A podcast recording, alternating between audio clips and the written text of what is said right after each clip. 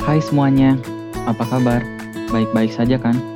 Semoga semuanya selalu dalam kondisi sehat dan baik-baik aja ya. Tak terasa tahun 2020 akan berakhir dalam beberapa bulan lagi.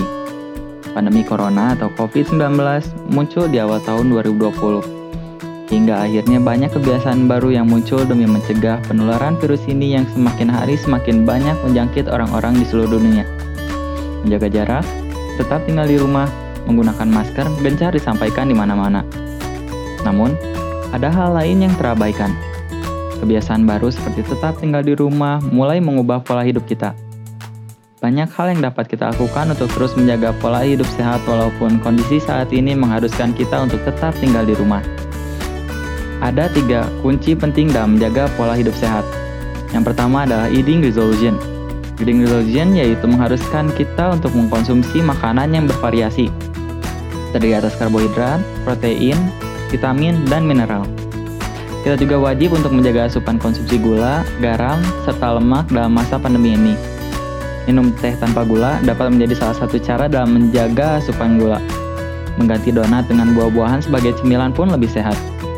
Memperbanyak rempah-rempah saat memasak dapat menambah cita rasa masakan hingga tidak perlu lagi menambahkan garam. Kita juga bisa melakukan variasi dalam memasak makanan agar kandungan minyak masuk ke dalam tubuh kita dapat terus terjaga. Kunci kedua adalah exercise resolution.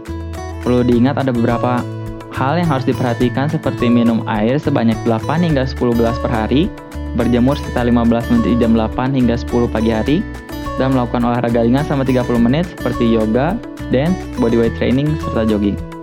Terlepas dari itu semua, kesehatan mental serta pikiran menjadi kunci terakhir dalam pola hidup sehat selama pandemi corona ini. Ada empat cara dalam menerapkan mind and soul resolution, yaitu dengan rutin melakukan panggilan video dengan sahabat dan keluarga, agar kita tidak mudah merasakan kesepian karena tidak dapat bertemu langsung dengan mereka.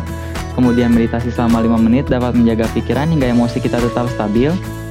Tidur cukup 7 hingga 8 jam sehari yang terakhir tentunya tidak mudah percaya dengan hoax dan isu pandemi yang berlebihan. Itulah tiga kunci pola hidup sehat di masa pandemi corona ini.